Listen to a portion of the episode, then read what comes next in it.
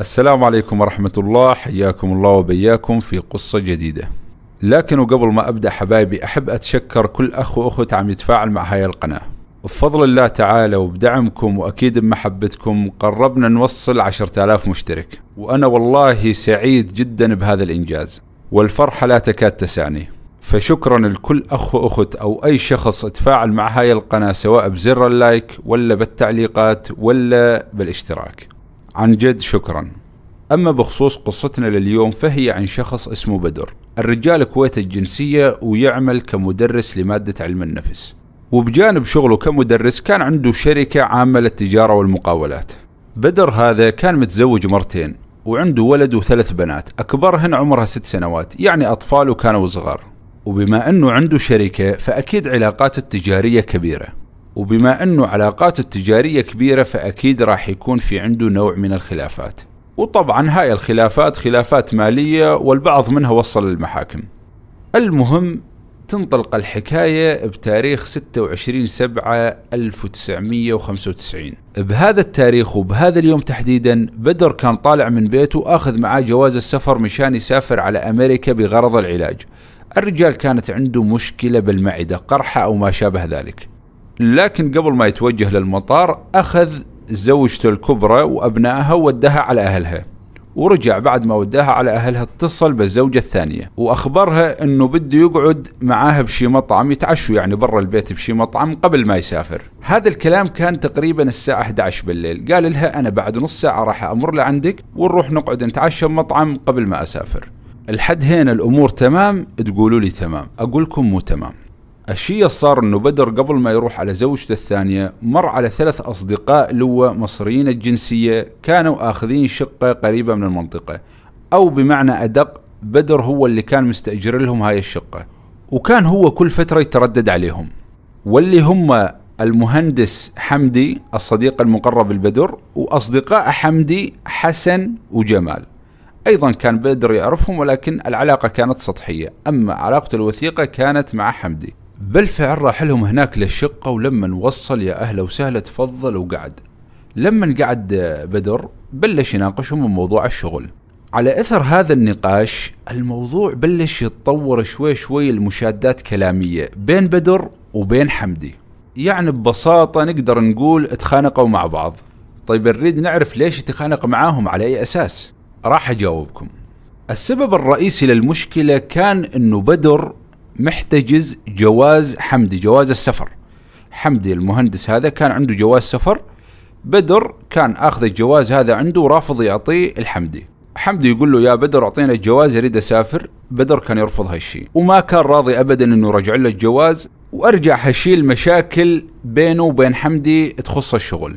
المهم استمرت هاي المشادة الكلامية لدرجة انه الوضع تطور بشكل سريع لضرب بالايدي بلش بدر وحمدي يضربون ببعض. بهاي الأثناء وبينما كان حمدي وبدر يضربون ببعض آه، كانوا موجودين حسن وجمال أصدقاء حمدي. فأنتوا إيش تتوقعون؟ الأكيد والمفروض إنه حسن وجمال يفوتون بيناتهم. يا جماعة صلوا على النبي استهدوا بالرحمن طولوا بالكم. يعني هذا المفروض يسوونه. لكن الشيء صار أنه حسن وجمال بلشوا يضربون بدر مع حمدي. نقدر نقول الثلاثة صاروا يضربون ببدر حطوه بيناتهم وين اللي يوجعك. وبعد هالضرب المبرح هذا كله جابوا حبل وقاموا شتفوا رجليه وإيديه. وعلى إثر ذلك قالوا له يا بدر بدك ترجع جواز حمدي. بالإضافة إحنا حاليا ما قام نشتغل صار لنا فترة نريد منك فلوس. طلبوا منه فلوس. بدر مسكين كان مربط بيناتهم يقول لهم يا جماعة طيب الجواز مو عندي ومصاري ماني شايل معاي فلوس ما عندي. ردوا عليه قالوا له الجواز والفلوس وين؟ جواز السفر وهاي الفلوس وين؟ قال لهم مقر الشركة.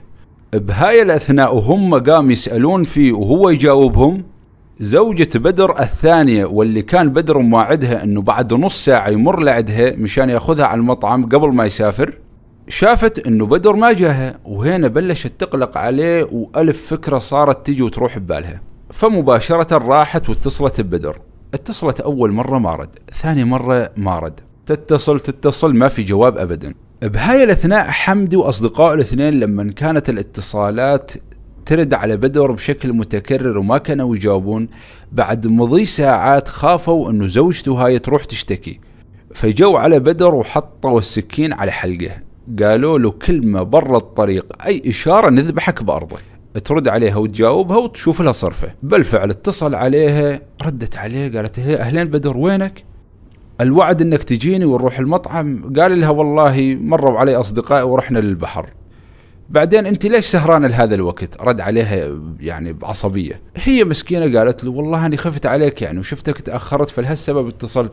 قال لها لا تسهرين ولا تنتظريني، خلاص روحي نامي. وسكر التليفون. زوجة بدر وبعد ما سمعت آه، كلام زوجها أول أصح يعني سمعت نبرة صوته وكانت ثقيلة يعني ويتكلم بشكل بطيء آه، ومو بالعادة يعني تكون هاي طريقته بالكلام شكت شوي ولكن ثقتها إنه زوجها ما كان عنده حركات يمين يسار وما كان يعني يشرب مخدرات أو غيره فلهالسبب يعني ما أخذت للموضوع أهمية وحطت رأسها فعلا ونامت. على إثر ذلك بدر اتصل على الشركة بناء على التهديد وضغط من عند حمدي وأصدقائه، قام بدر ورفع التليفون واتصل على حارس الشركة.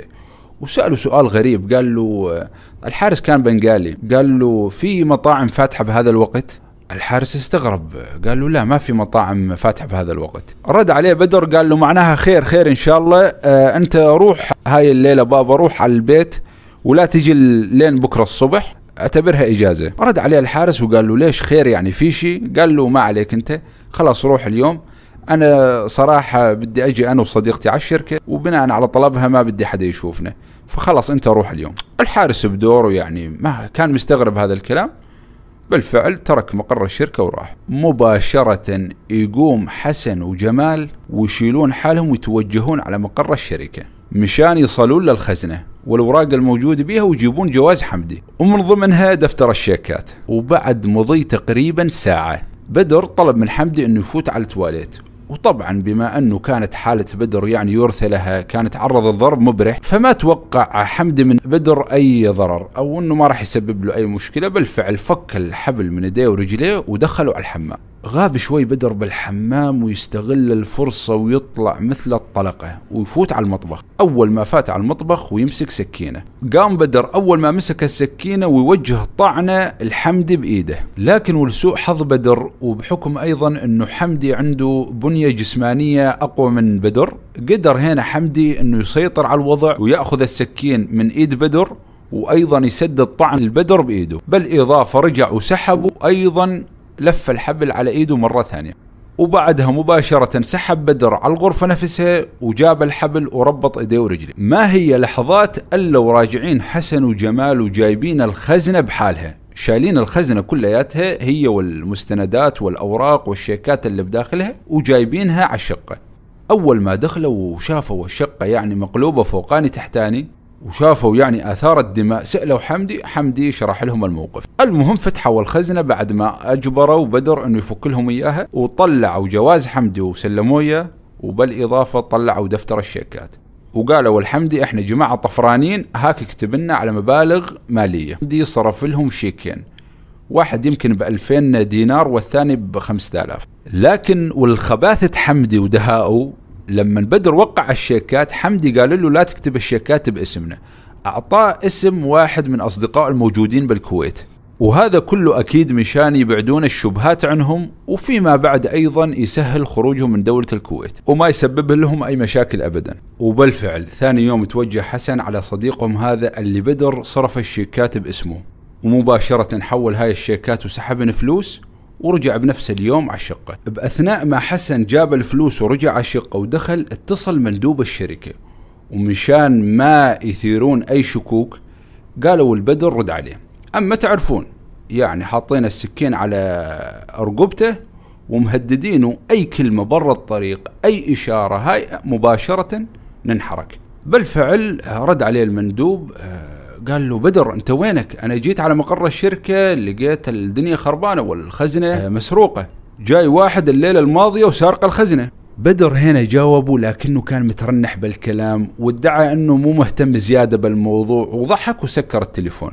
هنا حبايبي أنتم راح تقولون خلاص يعني العصابة اكتملت خطتها على أكمل وجه. جواز حمدي رجع، الشيكات الفلوس وأخذوهن، لازم عاد خلاص لازم أنه يتركون بدر.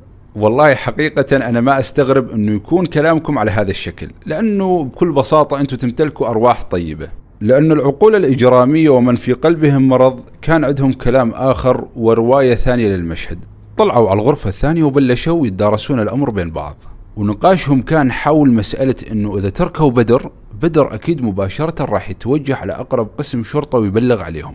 فاتفق الثلاثة ما فيهم أنه بعد استرجاع جواز حمدي وتحصيلهم للفلوس أفضل سيناريو لإنهاء خطتهم هاي مشان تتكلل بالنجاح ويخفون أي أثر وراهم هي القتل. إيه نعم القتل. شافوا الطريقة الوحيدة إنهم يقتلون بدر. حمدي وحسن قالوا الجمال إحنا ما عندنا القدرة إنه نقتله بالعربي يعني الفصيح إحنا ما عندنا قلوب إنه نقتل إنسان. والله حنونين الجماعة. قلبهم رهيف. جمال رد عليهم بكل نفس شريرة قال لهم هذا الأكلين همه خلاص يابا أنا لا قتله أنتوا لا تساووا أي شيء بس ثبتوا لي ايديه ورجليه أنا اللي راح أتكفل بإنهاء حياته بالفعل توجهوا ثلاثتهم للغرفة اللي فيها بدر. حمدي وحسن ثبتوا بدر من يديه ورجليه وجمال جاب قطعة قماش مبلولة وحطها على إثم وخشم بدر وبلش يضغط بكل قوته لحد ما تأكد أنه قطع نفسه بشكل تام. قاوم بدر حاول يمين يسار يفلفص حاله وما قدر. هذول مثبتينه بكل قوتهم. وبالفعل ما قاموا عنه إلا تأكدوا أنه بدر ما عاد يأتي بأي حركة وأنه لفظ أنفاسه الأخيرة. وتوفى بدر عليه رحمة الله. هنا بعد ما ذبحوا بدر آه، حسن قال لهم يا جماعة طيب الجثة إيش نسوي فيها؟ رد عليه جمال وقال له ما عليك. الآن نشيل الجثة ونوديها على مسجد مهجور هنا أنا أعرفه منطقة اسمها العباسية. وبالفعل أول شغلة سووها شلحوا بدر ثيابه لأن كان فيها دماء ولبسوه تقريبا دشداشة أو ثوب نظيف. وقام حسن وجمال شالوا بدر أو جثة بدر وتوجهوا بها للسيارة وحمدي كان يراقب لهم الطريق. زتوا جثة بدر بالسيارة وتوجهوا للمسجد هناك وهناك لما وصلوا للمسجد كان في أكرمكم الله مثل المجرور الصحي أو البالوعة وزتوا بدر داخلها مباشرة شالوا حالهم ورجعوا على الشقة وتخلصوا من الخزنة وحرقوا جميع الأوراق والمستندات والشيكات وأي شيء يربطهم بالجريمة. قام بعدها حمدي ولشدة خبثه ودهائه ومكره أخذ سيارة بدر وركنها أو تركها أمام مطعم تابع لأحد الضباط بوزارة الداخلية. هذا الضابط طبعا حمدي كان صديق بدر المقرب ويعرف جميع اعدائه وأصدقائه. الضابط هذا كان من أعداء بدر. كان في مشاكل مالية متعلقة بينه وبين بدر بخصوص الشركة. فحمدي أراد بحركته هاي بعد ما ترك سيارة بدر أمام مطعم هذا الضابط اللي كان على إعداء مع بدر أنه فيما بعد في حال تم الكشف على الجريمة يوجه جميع أصابع الاتهام على هذا الضابط. المهم بعدها مرت الأيام وأهل بدر كان كل اللي ببالهم أنه بدر ابنهم هذا مسافر على أمريكا بغرض العلاج. مو كان مثل ما ذكرنا سابقا معاه قرحة بالمعدة فكان هذا اللي ببالهم يعني. أما الأخ حمدي وبعد ما أخذ الفلوس راح وتزوج له وحدة هندية واستأجر شقة وفرش الأثاث واشترى جوال نقال وكل هاي من فلوس المسكين بدر. بدر هذا كان عنده أخ. أخوه هذا كان دبلوماسي يشتغل بوحدة من السفارات خارج الكويت. بعد مضي شهر على حادثة مقتل بدر أخوه هذا رجع رجع للكويت. لكن أيضا ما يدري عن أخوه يعني كل بباله إنه أخوه مسافر على أمريكا. أثناء رجوع أخو بدر على الكويت مر على مكتب سيارات كان أخوه بدر يتعامل مع هذا المكتب. يعني اثنينهم الإخوان كانوا متعاملين مع هذا المكتب. فأثناء دخوله مدير مكتب السيارات آه، مباشرة قال له يا رجال أنت وينك؟ أريد بس أوصل الواحد منكم. قال له خير إن شاء الله سلامات. قال يا أخي أنا الشرطة اتصلت علي كذا مرة خبروني إنه سيارة بدر واقفة أمام واحدة من المطاعم والسيارة كان في عليها غبرة والظاهر أنه صار لها مدة واقفة. وصراحة أتصل أتصل على بدر وما كان في أي إجابة.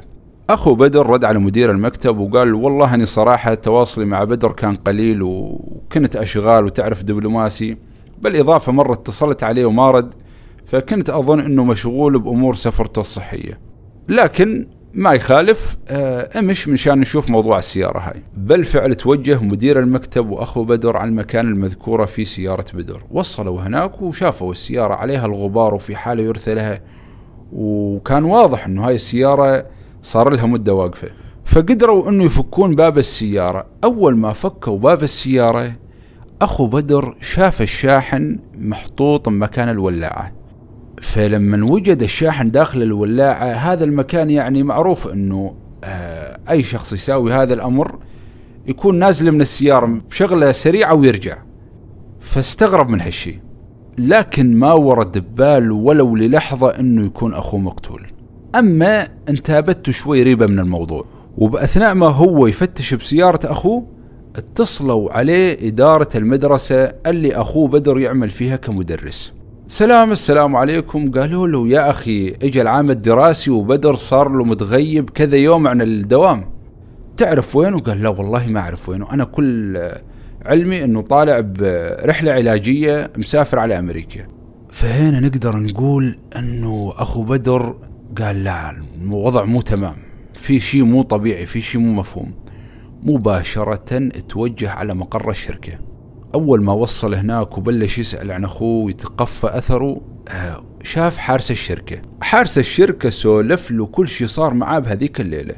قال له أخوك بدر اتصل علي وسألني سؤال غريب إنه إذا في مطعم فاتح بهذا الوقت وكان الوقت متأخر. بالإضافة قال لي اترك عملك أنا جايب بنت معاي وما بدي إياك تشوفها مشان خصوصية البنت و... أخو بدر قال له بنت أخوي؟ أنا أخوي خابز وعاجن واعرفه زلمه ملتزم وما عنده الحركات هاي. رجع ظهر مندوب الشركة وقال نعم وبهذيك الليلة تم سرقة خزنة الشركة. هنا أخو بدر قال لا لا لا أبدا في شيء في أمر صاير. تواصل مع زوجات بدر الأولى ما كانت تعرف أما الثانية لما سألها قالت له تقريبا بنفس هذاك التاريخ إنه أنا اتصل علي بدر لكن ما كنت مرتاحة للطريقة اللي يحكي فيها وما كان بعادته يكلمني بهاي الطريقة مباشرة ومشان يقطع الشك باليقين أخو بدر توجه على المطار وبلش يدور بين سجلات المسافرين ويبحث عن اسم أخوه بين هالسجلات واللي اتضح له بالنهاية أنه ما طلع برا الكويت وأنه أخوه بدر لا زال داخل الكويت.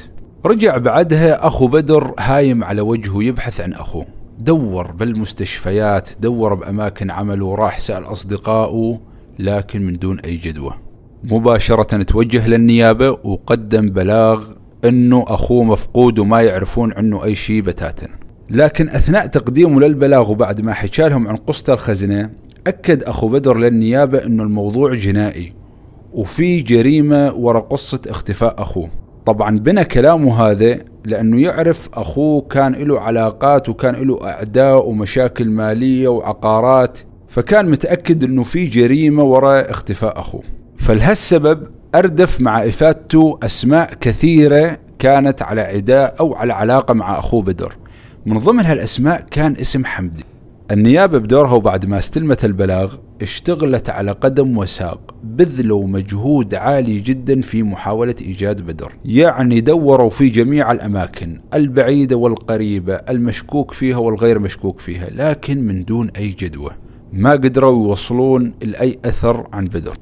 الحد تاريخ 23 9 سنة 1995 النيابة العامة في دولة الكويت استطاعت الوصول لبدر. وذلك بعد أن تلقت السلطات الأمنية اتصال من شخص مجهول. أخبرهم بأمر الجريمة وأعطاهم موقع الجثة بالضبط. بالفعل توجهت السلطات إلى الموقع المذكور واستطاعوا أنهم يخرجوا الجثة وفيما بعد اتصلوا على أهل بدر مشان يتعرفوا على الجثة إذا كانت ترجع لابنهم بدر ولا لا. بالفعل جو أهل بدر لكنهم خافوا ما قدروا يشوف الجثة كانت متحللة وكانت في حالة يرثى لها. فالطبيب الشرعي مباشرة بتر الإبهام الأيمن والأيسر للجثة وأخذها على المخبر. وبعد ما طلعت التحاليل تأكد مئة بالمئة أنه هاي الجثة تعود البدر. بالفعل وبعد ما تم التعرف على الجثة أهل بدر أخذوا جثمان بدر عليه رحمة الله وتوجهوا لدفنه الصحف هنا كلها بلشت تكتب عن الخبر. الخبر انتشر مثل النار بالهشيم لدرجة أنه صار الموضوع قضية رأي عام. وبلشت الناس والأهالي تضغط على وزارة الداخلية مشان يلقوا الجناه وتتم محاسبتهم. بعد انتشار الخبر وبنفس النهار جمال مباشرة ياخذ طيارة ويهرب على مصر. أما حمدي وحسن ما أسعفهم الهرب لأن السلطات الأمنية حصرت كل شيء اسم له علاقة ببدر من هالأسماء هاي كلها كان في اسم عليه ألف إشارة استفهام اللي هو حمدي. حمدي هذا كان يتردد على الشركة وعلى مقر الشركة بشكل يومي لكن بتاريخ اللي اختفى فيه بدر بالتاريخ اللي انسرقت فيه الخزنة حمدي ما تردد على الشركة أبدا. فلهالسبب السلطات والجهات الأمنية كانوا يشوفون من حمدي المتهم رقم واحد. فمباشرة تم اعتقال حمدي وبعد تحقيق دام لأربع أيام متواصلة. وطول التحقيق حمدي كان ينفي وينكر أي صلة له بالجريمة. بعد هاي الأربع أيام حمد اعترف بكل الجريمة. بالإضافة أنه اعترف على أصدقائه حسن وجمال. بحثوا عن جمال جمال لقوه مصر. لكن لما طالبوا السلطات الكويتية السلطات المصرية بتسليمه ما سلموه سجنوا جمال السلطات المصرية سجنوا جمال بسوهاج. وتقريبا الأخبار تقول أنه توفى داخل هذا السجن. أما حمدي وحسن واللي حاليا راح تظهر صورتهم أمامكم على الشاشة لقحوا القضية كلها برأس جمال. قالوا جمال هو اللي قتل وشرحوا بالتأكيد للسلطات الأمنية عن ليلة الجريمة وعن أسباب القتل. قالوا صراحة إحنا اللي جابنا بدر. قام بدر واستأجر لنا شقة وحجز جوازات سفرنا عنده.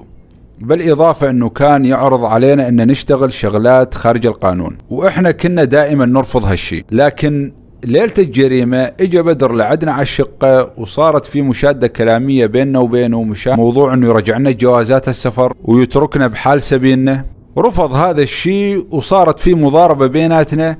أما اللي قتل هو جمال. حسن وحمدي زتوا الموضوع كله براس جمال اللي سافر على مصر. مع ذلك ما شفع لهم هذا الكلام وبتاريخ 5 2 سنة 1996 حمدي وحسن يمثلون أمام المحكمة وينكرون كل التهم الموجهة ضدهم. وكانوا يسندون إنكارهم هذا أن اللي ارتكب الجريمة هو جمال. لكن محامي أهل بدر كان يطالب بإنزال أقصى العقوبات عليهم. بالإضافة إلى إلزامهم بتعويض الورثة فالمحكمة بعد ما اطلعت على ملف القضية شافت أنه هؤلاء ما يستحقون الحياة. فحكمت حضوريا على حمدي وحسن وغيابيا على جمال بالإعدام شنقا حتى الموت. وبتاريخ 21 9 سنة 1997 تم تنفيذ حكم الإعدام بحق حسن وحمدي. هنا إخواني دائما الإنسان أثناء ما هو يغلط تكون عنده فرصة ثانية لكن الشيطان يعميه ما يقوم يشوف قدامه. ولا هؤلاء الثلاثة كانت عندهم فرصة إنه خلاص يتركون هالزلامة وما يقتلوه. لكن الشيء صار إنهم أصروا على جريمتهم وقتلوا بدر. نعم لربما بدر عليه رحمة الله كان عنده مشاكل مالية مع أشخاص كثر لكن لا يمكن أبدا أنه هاي المشاكل توصل لدرجة القتل. ما في مبرر للقتل أبدا لأن بكل بساطة بزمننا هذا الإنسان يقدر يحصل حقه عن طريق القانون. فدائما وكل أمرك لله وهو قاضى الأرض والسماء. فما راح ينساك وما راح يضيع حقك. والحد هنا وصلنا لنهاية قصتنا لليوم. أتمنى أنها عجبتكم وأكون نقلتها بصورتها الصحيحة. إذا كنت أول مرة تشوفني لا تنسى الاشتراك بالقناة. اشتراكك دعم كبير لي. وإذا كنت من ربع وحبايب القدم والمتابعين القدامى اللي ما أقدر أستغني عنهم لا تنسى اللايك وتكتب لنا رأيك بالتعليقات. وفعل جرس التنبيهات مشان توصلك الفيديوهات أول بأول. بصراحة جيش التنبيهات هؤلاء قصة حب لا تنتهي. مباشرة أول ما ينزل الفيديو لايكات وتعليقات. الله يجزاهم عني كل خير. نستودعكم الله الذي لا تضيع ودائعه. والسلام عليكم ورحمة الله وبركاته.